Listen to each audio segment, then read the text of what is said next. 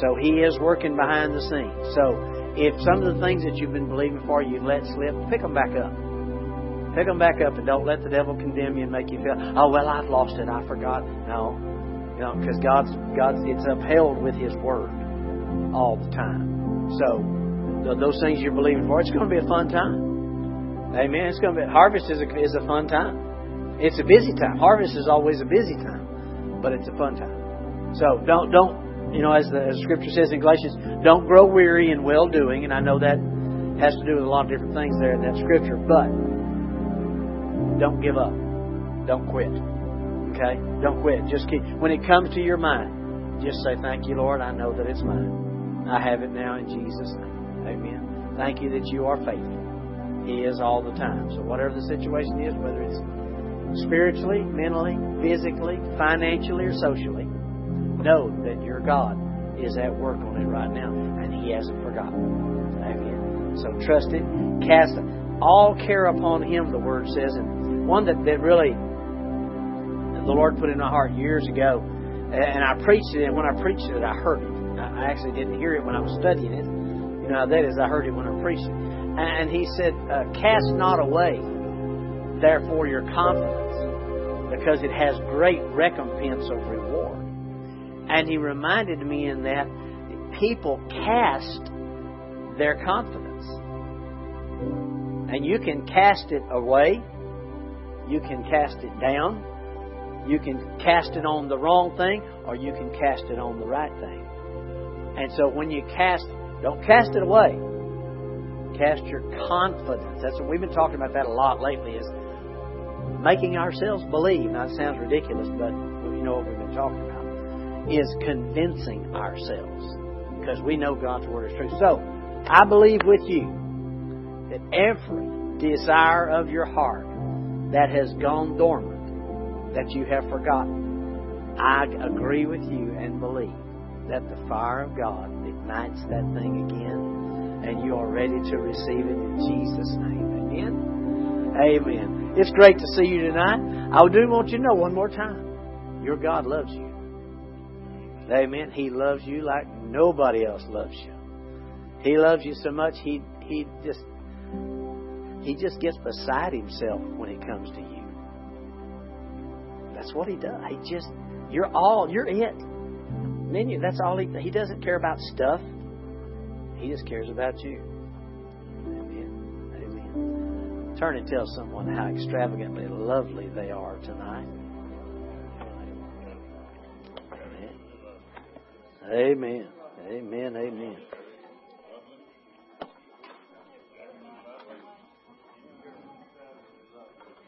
Amen. You know, my life changed when I realized that what I was supposed to do is tell people what God has done for them as pastor instead of telling the people what you're supposed to do for God. You know? I want you to know what God has done for you because that therein is faith. There's there's not faith anywhere else. If there's any faith in what you've done for God, you're in trouble. You know. The faith is in what He's done for me and you. And faith is, again, faith is not achieved. Faith is received. Faith is a spiritual force, and it, the right spiritual faith comes from God. So when you and I study the good news about Jesus, faith comes. And when faith comes, I know a lot of preachers would disagree with me, but faith is automatic. Faith is automatic when it is in your life through the Spirit of grace, the way God does it. You know, I mean, when you didn't have to muster up the faith to believe in the Lord Jesus Christ as your Savior. Well, I, th- I think I'll decide. I think, yeah, I think I'll, I'll. That makes sense. I think I'll believe. No, no, it, it right here. You believe. Somebody may have said it. Somebody may have told you, and, it might even have made sense that time. But the way you received Him was by believing. And the Word says, As you have therefore received the Lord Jesus Christ in Colossians, so walk you in Him, rooted, and grounded, and established in faith. Amen? Well, go with me to Mark chapter 9. We'll start there. Say, an account of something that happened that, that we're all familiar with, but it's a faith building account for me now, where for many years it was a uh, faith draining account for me because I always found a reason that I couldn't believe like everybody else did. And when I finally got the revelation of this one, it changed my life. So in Mark chapter 9, uh, in verse, you what, let's start, uh, mm, kind of hard. In 16, Jesus walked up to his disciples and he said, What's all this arguing about? And one of the men in the crowd spoke up and said, Teacher, I brought my son to you so you could heal him. He is possessed with an evil spirit and it won't let him talk. Whenever this spirit seizes him, it throws him violently to the ground. He foams in the mouth, he grinds, grinds with his teeth, and he becomes rigid. So I asked your disciples to cast out the evil spirit, and they couldn't do it. Jesus said to him, Well, you faithless people, how long must I be with you? How long must I put up with you? Bring the boy to me. You know, Jesus had New Testament faith, they had Old Testament faith. That's all they knew. You know, they, they weren't born again. Of course, He is the Word of God. And so, like we were talking the other day, when Jesus talks about us being faithless, the only thing He's really wanting us to do is believe big. Just believe big. Just quit believing for barely getting by. Quit believing for, well, I hope it gets a little bit better. How about getting big time better? You know, how about it just change? How, did, how about it? Uh, we don't live by miracles, but let's live with miracles. Let's expect the miracle. That's kind of what we're going to talk about because in praying over this in the last few weeks, Lord just continues to remind me it's very difficult to have faith without believing His goodness. If you don't believe His goodness, you will believe that He can, but you won't believe sometimes that He will. When you believe His goodness and how much He loves you, you know that somebody loves you is going to help you out. If they really, really, really, really, really love you, they're not going to leave you stranded. Right? If they are, if they are the kingpin of it all, okay, and they really, really love you, you know that you're in good shape. You keep looking over the horizon to see when they're going to show up, because that, that's what you. And that's what the Lord wants us to get to the place where we understand that. He said, "I'll never leave you, forsake you." He will always be there, whatever you need. That, that, Jesus just kept telling, telling the people. Remember when he would say, "As you have believed, so shall it be." Did you notice he didn't say, "As uh, according to the will of the Father, this is the way it's going to be." No, he said, "As you have believed." So there, there is a job there of believing. Just because it's the will of God doesn't mean it's going to get done. Right now, for me and you, we have decided Romans 8 and 28 really does work. Of course, we know what it works on. For all things work together for the good of them that love the Lord, to them who are called according to His purpose. It's not talking about catastrophe and calamity. It's talking about anything in our life, even if something bad happens, our God is going to turn that thing for good. Amen. We're going to get something good out of that thing. Even if God never had anything to do with it in the start, even if we were the ones who were running it to start with. And right in the middle of it, we realized, uh oh, this ain't working because I've been handling it. And we say, Lord, would you take this? He will take it. And He will make it come out right. Amen. We, we've seen it too many times. That, that's that's what. He, all right. So back to back to this. Okay. Where did I stop reading? Ah. And what you faithless? Okay.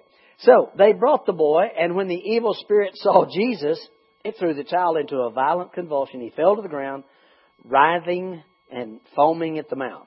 How long has this been happening? Jesus asked the boy's father. Well, he replied, since he was a little boy, the Spirit often throws him into the fire and into the water trying to kill him. Have mercy on us and help us if you can. What do you mean, if I can? I really like this translation. What do you mean, if I can?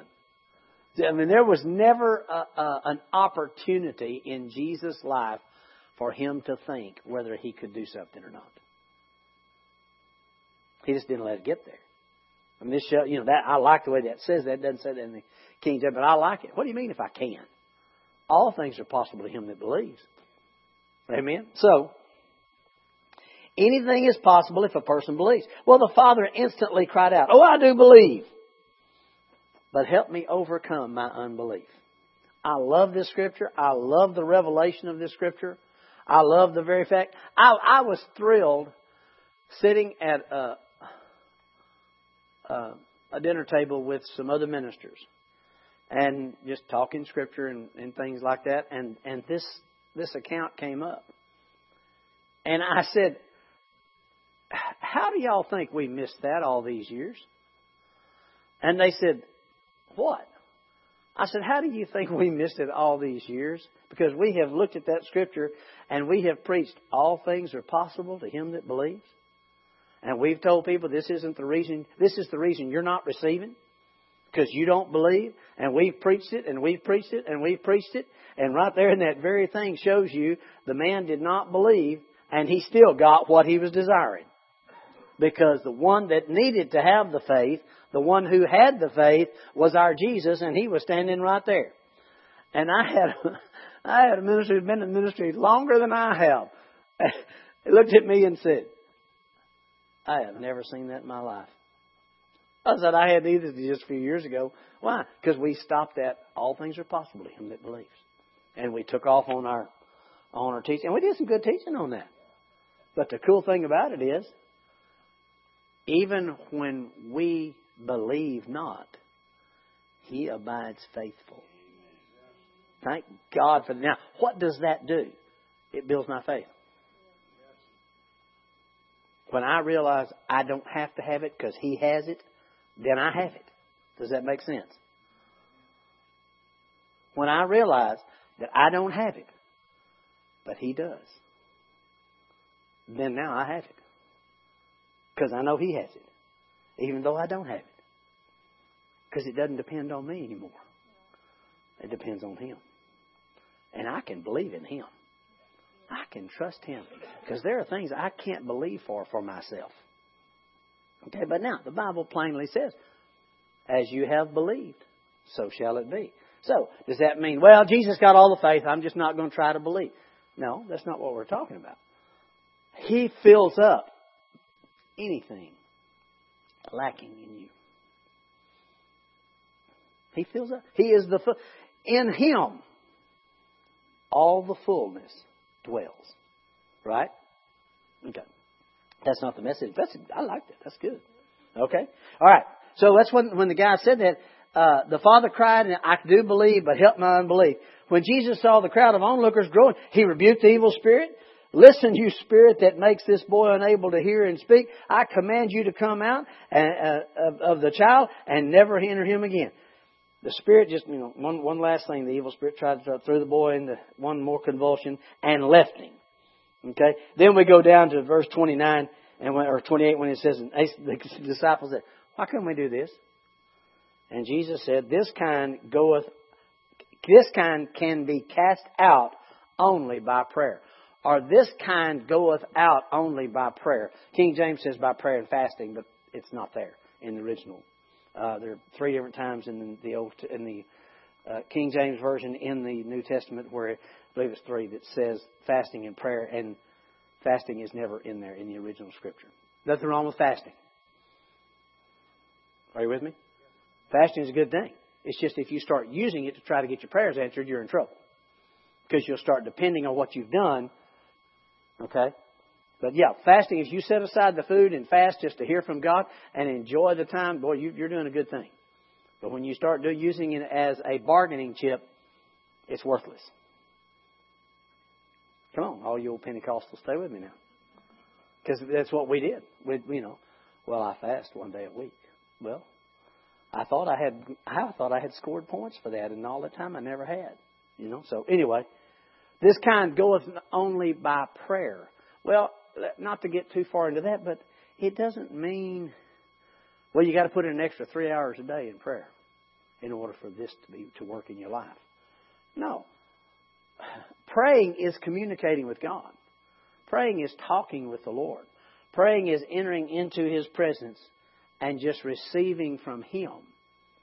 And the more time we spend with Him, the more our faith grows. The more we understand His goodness and His desire to operate in our life, the more our faith grows. Amen? So, what is the key? In His presence is fullness of joy. All right? That's what He's wanting us to do. That's what we're talking about. Seeing His goodness. Uh, I, I wrote it down here. I was going to say it later, but I'll just say it now. Practice remembering your answered prayers. Practice remembering your answered prayers. Why? It helps you. It helps you develop that mentality of, I have prayed. When I prayed, my God hears me. My God hears me. He answers my prayer. And, not, and the devil's going to come along and say, well, not every time. You said, well, let's let me tell you about the ones that he did. And besides that, devil, it ain't over with. You know, we're still going. But let me tell you about, see, the, the, the thing about, um, think about David in, in the 17th chapter of 1 Samuel. And it's David and Goliath. You know, we talked about it Sunday. I said the whole world uses, uh, in business for all years, even, I, I would sit in business classes and, and, and, and seminars and things like that, and even people that didn't know the Lord would use David and Goliath as an example. It was, it was all about the little guy overcoming the big guy. And in business, that made sense, and it was to pump you up and urge you on, and da da da. And that's a wonderful thing. It was used in sports. It's used. I mean, you hear it everywhere. But for me and you, it has a different understanding because we understand that wasn't the little guy overcoming the big guy. It was the little guy operating by the Spirit of God and receiving his dream come true. It's not what the little guy did, it's what God in the little guy did. That's the whole key. When we remember that, that's why when David, you know, there in the 17th chapter of 1 Samuel, when he, his dad sent him to take the cheese and all that to the captain of the, the army, his brothers in the army, and, and so he looks out here and, you know, you know what's taking place. The Philistine army's on that side of the valley and the Israelites on this side of the valley and nothing's taking place. You know, they come out from what you read and what you kind of figure out from history. They come out every day and they curse at each other and then they go back. Why? Because nobody wanted to fight. Because it was, I mean, it was Goliath. And so every day this would take place. And so David's there and, and here comes Goliath out on the other side and he's cussing all over the place. And he's cussing the Israelites. He's cussing God. And David just looks around and he said, what is going on here? Who is this guy? And so they tell him. And about that time, you know, but David just basically saying, well, why didn't somebody do something about this? Well, his brothers heard it, you know, and, and where were his brothers? They were in the army. They had not gone to fight in Goliath. So they said, you know, let's, what are you doing here? Who did you leave those few sheep with? That one little menial job is all you're good enough for. Why are you here? Embarrassing us because we're not fighting, but we're not telling anybody about it. Okay, what do you do? And, and, and I love in, in, in this uh, translation, I think David said, "What did I do wrong now?" You know, I mean, evidently, younger brother, he's used to doing things wrong. What did I do wrong now? He said, all I did was ask a question, basically. And here, this is the question, you know. He said, what do you get if you kill him? Well, that really made him mad, you know. Because why? Well, they told him all that he'd get and all of that. And then he said, he said, well, I'll take care of him. Well, that really made his brothers mad then because that puts them, him out front, them in the back, and they're really embarrassed. But the, here's, here's the neat thing about what David did.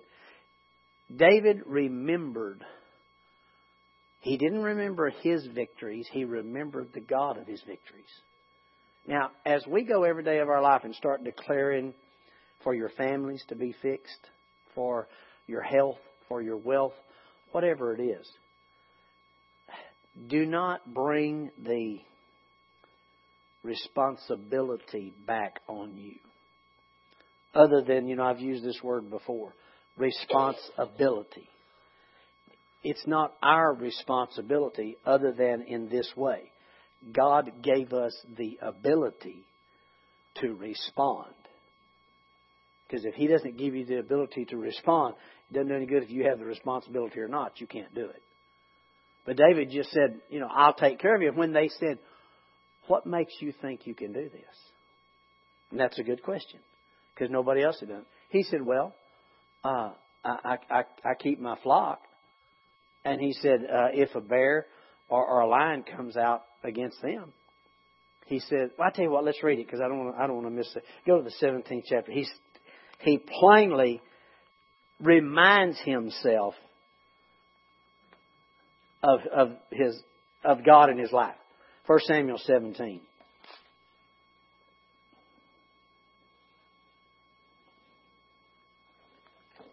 Uh, this is uh, look at verse uh, 30, 34. This is when they told him he couldn't do anything. And David persisted. I've been taking care of my father's sheep and goats, he said. and when a lion or a bear comes to steal a lamb from the flock, I go after it with a club and rescue the lamb from its mouth. If the animal turns on me, I catch it by the jaw and club it to death. I've done this to both lions and bears, and I'll do it to this pagan Philistine too, for he has defiled, defied the armies of the living God. The Lord who rescued me from the claws of the lion and the bear will rescue me from the Philistine. What's he doing? He's just simply giving glory to God. Reminding yourself that greater is He that's in you than He that's in the world takes the responsibility of having to supply it off of you. You can declare, see, I mean, we know this is very simple. You can't declare, I have lived wonderfully right this week, so I know my prayer is going to be answered. So you, you, you're never going to do that. If you do, you really messed up. But you can declare, my God is the same yesterday, today, and forever. What He's always done, He always will do. He is good. His mercy endures forever. His goodness is upon me. And so I'm going to receive what He has. You can declare that. And you can remind yourself, why will He do that for me? Because He loves me. See, you'll never miss it by saying, because He loves me. Because it's the only reason you need. It's the only reason that you can believe for Him to work in your life. Because anything else is works. And you can't have faith using works. Okay? So David just simply reminded himself that he had a God. And the cool thing about it was he reminded himself that this guy didn't. Right? That, that's what he said when he said, this uncircumcised Philistine, we know what that means. It means that the circumcision was the sign of the covenant. He meant this guy didn't have a covenant. Now, all right, now, guys, that's our habit now. Talking about our God. That's our habit. Talking about His goodness. That's our habit. Talking about what He's done for us. That's our habit. See, we don't have to let it rest on anything that we've done. We talk about this thing right here. At one time, you, you, I, I think about Darlene down there with those little kids talking because they have reading time and then they have talking time. And you know, every class that I've ever dealt with with little children, there's always, when you ask them if they want to talk, Johnny, you're, you know what I'm saying? Um, um, uh, uh, one time, uh, uh, uh, one time there was, um, um, one time there was this, uh, and, and they just, you know, we need to be like little children. One time, one time I thought I, I, I, I but God showed up. One time, we need to remember that all the time. Do not rehearse your failures. Just let them go. Forget about it. Has nothing. They, they, they. Well, we can learn from our mistakes. I've, I've already learned enough from my mistakes. Okay. I want to learn from the from the word of righteousness from now on. I want to learn from victory. I want the picture here to declare what God has done. That's what David did. He just said, Hey, the Lord took care of the lion and the bear. He'll take care of this situation too. That's building confidence in us. That's what it has to be. Building confidence in what He's done for us. Believe in it. Is God going to show up on my behalf this time? Yes, He is. What do you need? I don't know. Whatever you need. If you just need to change what you believe, that's what He does. Romans 2 and 4, right? It is the goodness of God that leads us to repentance. What does the word repentance there mean? Changing our mind. So when you're thinking wrong, it'll be His goodness that changes your thinking. And when you change your thinking, you change your believing. Now, your believing will automatically change your thinking. Because by revelation, when the Lord speaks something to your heart, you'll change. But you can take that thinking when you get it with the Word of God, not reasoning and natural, but thinking in the Word. Let this mind be in you that was also in Christ Jesus. Set your affections, or that's the word thoughts, set your thoughts on things above where Christ sits on the throne and you, you say, whoa, who, I know who that, that's me right there, sitting right beside him. See, it's not easy to think that way. That's what the Bible says. So when you set your thoughts on things above and you think, wait a minute, uh, a lady, I heard a lady say the other day that had a, uh, a tumor. Went to the doctor with it and found she had a tumor. And had the x-rays and everything else and went home and they had already, they had scheduled the uh, surgery because they thought they needed to do it right away. But and she got home and started praying over it and this thought came to her. And she said it was, it was ridiculous. It sounded ridiculous but she had lumps in her breast. And she said, Jesus, do you have lumps in your breast? Jesus doesn't have lumps in his breast. As he is, so am I in this world. Jesus, you don't have lumps in your breast. I am not going to have lumps in my breast. When she went back, she did not have lumps in her breast. They just said they made a mistake. But, you know, it didn't really matter to her. She didn't care she was healed. Thinking of his goodness builds our faith. Watching what he's done builds our faith. Looking unto Jesus, the author and the developer of our faith. But you've got to see his goodness. And that's why in these last few weeks, the stories and the accounts that I've been bringing out, and I'm looking for more of them all the time. I love to see God show up when people don't expect him. I love to see him show up when people don't do anything to make it happen. And I know that's kind of non-religious because people don't like that because they, well, now, brother, we got to do our part. I am convinced the more we see God do His part, the more we'll do our part. Because you're not just someone who decided to live better. You are a new creature in Christ Jesus. You are born of Almighty God, and your desire is to do the things of God. Amen. So the more you see His goodness, the more you see Him show up in your life when you think, Lord Jesus, there's no way I deserve that. And then you remember, oh, you don't give me anything because I deserve it, do you? You give it to me because you love me. You enable me. You give me the boldness. You give me, you, you change my mind. You do the things you do because you love me. That builds faith. And faith is the substance of everything hoped for. It's the evidence of things not seen. Where does it come from? Faith cometh by hearing. The original text says faith comes by hearing the good news about Jesus. So when you hear what Jesus has done for you, faith comes. You have to remind yourself of that all the time. But it's a good exercise. My God loves me. When do you want to say that? About time you've done something wrong.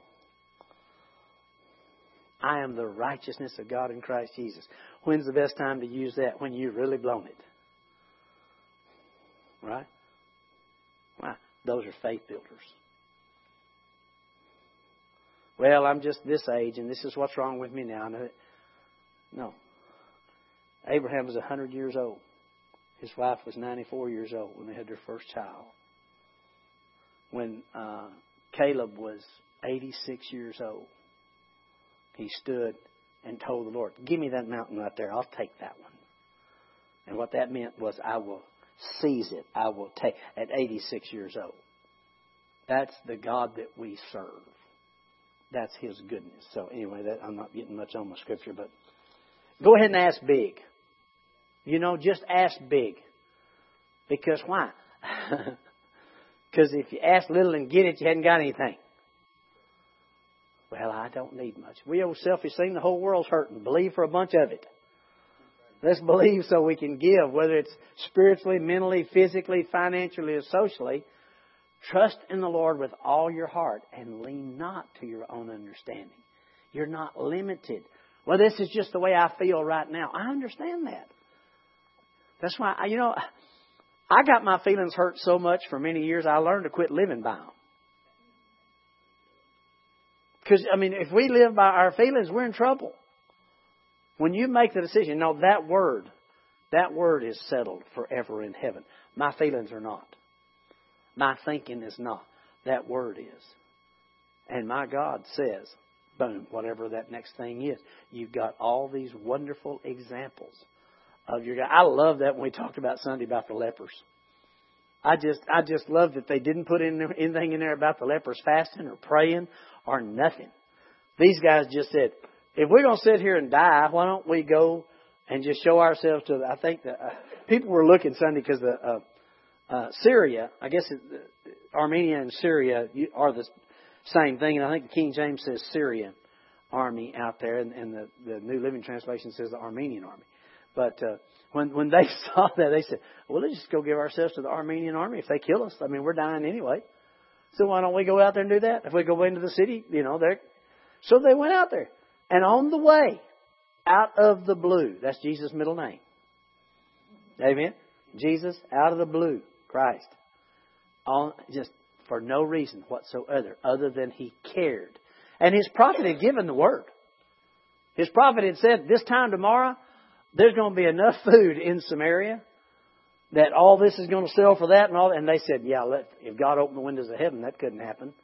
And the prophet said, well, he told the guy that said that, he said, well, you're going to see it, but you're not going to get to eat any of it. So what started it? These two guys. I mean, these four guys going out there. Didn't pray, didn't fast, didn't do nothing. Well, of course they were fasting, I guess, but it's kind of a forced fast, you know. And they were in a famine, they didn't have anything to eat anyway. But the Lord went before them. I think we need to make it a habit in our life of saying, My God goes before me. My God goes before me and prepares the way. And when you see stuff not going right, remember to say, My God goes before me. He, the Lord perfects that which concerns me. And I, am this is not an, this is not just an exercise in religion here. This is what's in your heart. This is what you know, because Jesus lives in you. Greater is He that's in you than He that's in the world. I can do all things through Christ who strengthens me. So remind yourself of the victories. I don't care if it's the little bitty ones. Just remind yourself of the victories. Why? Please remove any part of your effort from the reason for that victory. Now, you may have done some wonderful things, and that's great. But remove your thinking, remove from your thinking any part that you had in that victory, and just totally say, it's all Him.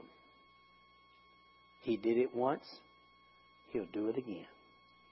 He said He'll never leave me, He'll never forsake me. Amen. So remember, talk about His goodness. This, this is not a ploy. This is what I know I have been told for us to do is talk about His goodness. Because when you talk about His goodness, see, there's things we have to believe in this earth. You know, we talked the other day about the, oh goodness, uh, about the quora, the word happen or happening in the Old Testament. Many times when you see that word hap or happening, it's the word quora, and it means a, a, an appointment that was not arranged naturally. It wasn't put together. What it means is the same thing. The race is not to the swift, the battle to the strong, all those things it says there in Ecclesiastes 9. But it says, but time and chance happeneth to all. That word hap there, happen is the word quora. In other words, out in that world, certainly, the race is to the swift, the battle's to the strong. That's just the way it works out there. But so many times we are not the swiftest and we're not the strongest. And if you are, you'll end up depending on that. But you don't have to. If you think you cannot solve your problems, then you're in a good spot. If you think you can't do anything, well, I, Lord, I'm just not big enough, strong enough, smart enough, whatever, you're in a great spot because the Lord is about to make that quora, that happen. He will arrange that for you to walk right into it. Maybe you're, you're needing that job and you know you're not qualified for that.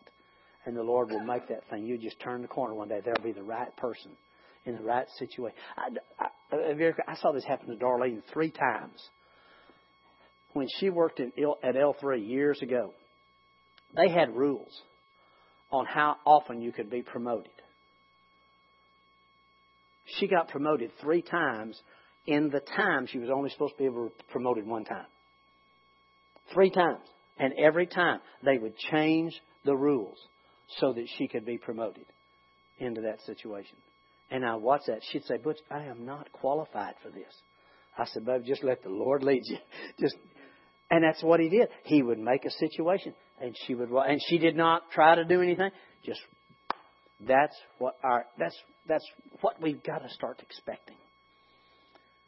Well, we're just, we're just Christians. There's no such thing as just Christians. Amen. We are the children of the Most High God. We are blessed, highly favored, deeply loved. Amen. Stand together. I'm going to quit soon, here in a minute. Okay? Don't let your past slow your future. Fill yourselves with the memory of your answered prayers. Remind yourself what your Jesus has done for you. I tell you, every time I. One last story, most of you have heard it, I'm going to tell you it again few years ago, Peyton was, see, Peyton's 17 now. I think he was about 10 or 11.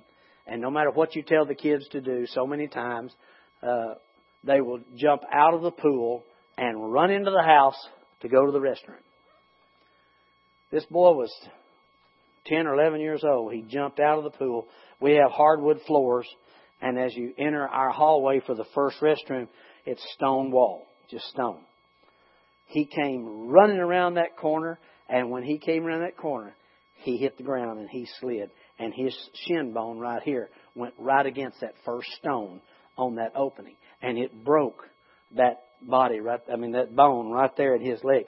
And, and that bone went, I, he started, he was screaming and I, you know, I thought, okay, fell, he hurt himself, whatever. Monty, his dad was over there headed toward him and, and I said, oh son, he's fine. And Monty said, Dad, you need to look at this. And he brought Peyton over and set him on, we got this long kitchen table. He set him on that table, and I, we looked at this boy's leg, and the bone went, the knee came down like this, and then the bone went like this, and then it went like this, and then it went like this, and then it went down. It was snapped, and you could see it. And Monty said, well, I guess we better head to the doctor. And Peyton said, I don't want to go to the doctor. I don't want to go to the doctor. you know, any kid didn't want to go to the doctor. I said, well, let's lay hands on him right now. So we laid hands on him, but we, we didn't lay hands on the hurt because, you know, it hurt. You and this, so you could see it. And we had people standing there with us. And as we prayed, that, that bone came right back out and went straight, just perfectly whole just like that. And one of the guys that was standing there watching us, his eyes got that big. He he's looking like I mean, we thought he's going to pass out because you know, I mean, when you see a bone move, it, it's kind of unnerving anyway. We remind ourselves of that victory. That's what our God did for us at that moment, and He is not short. He is not short on victory. He is not short on anything that you need.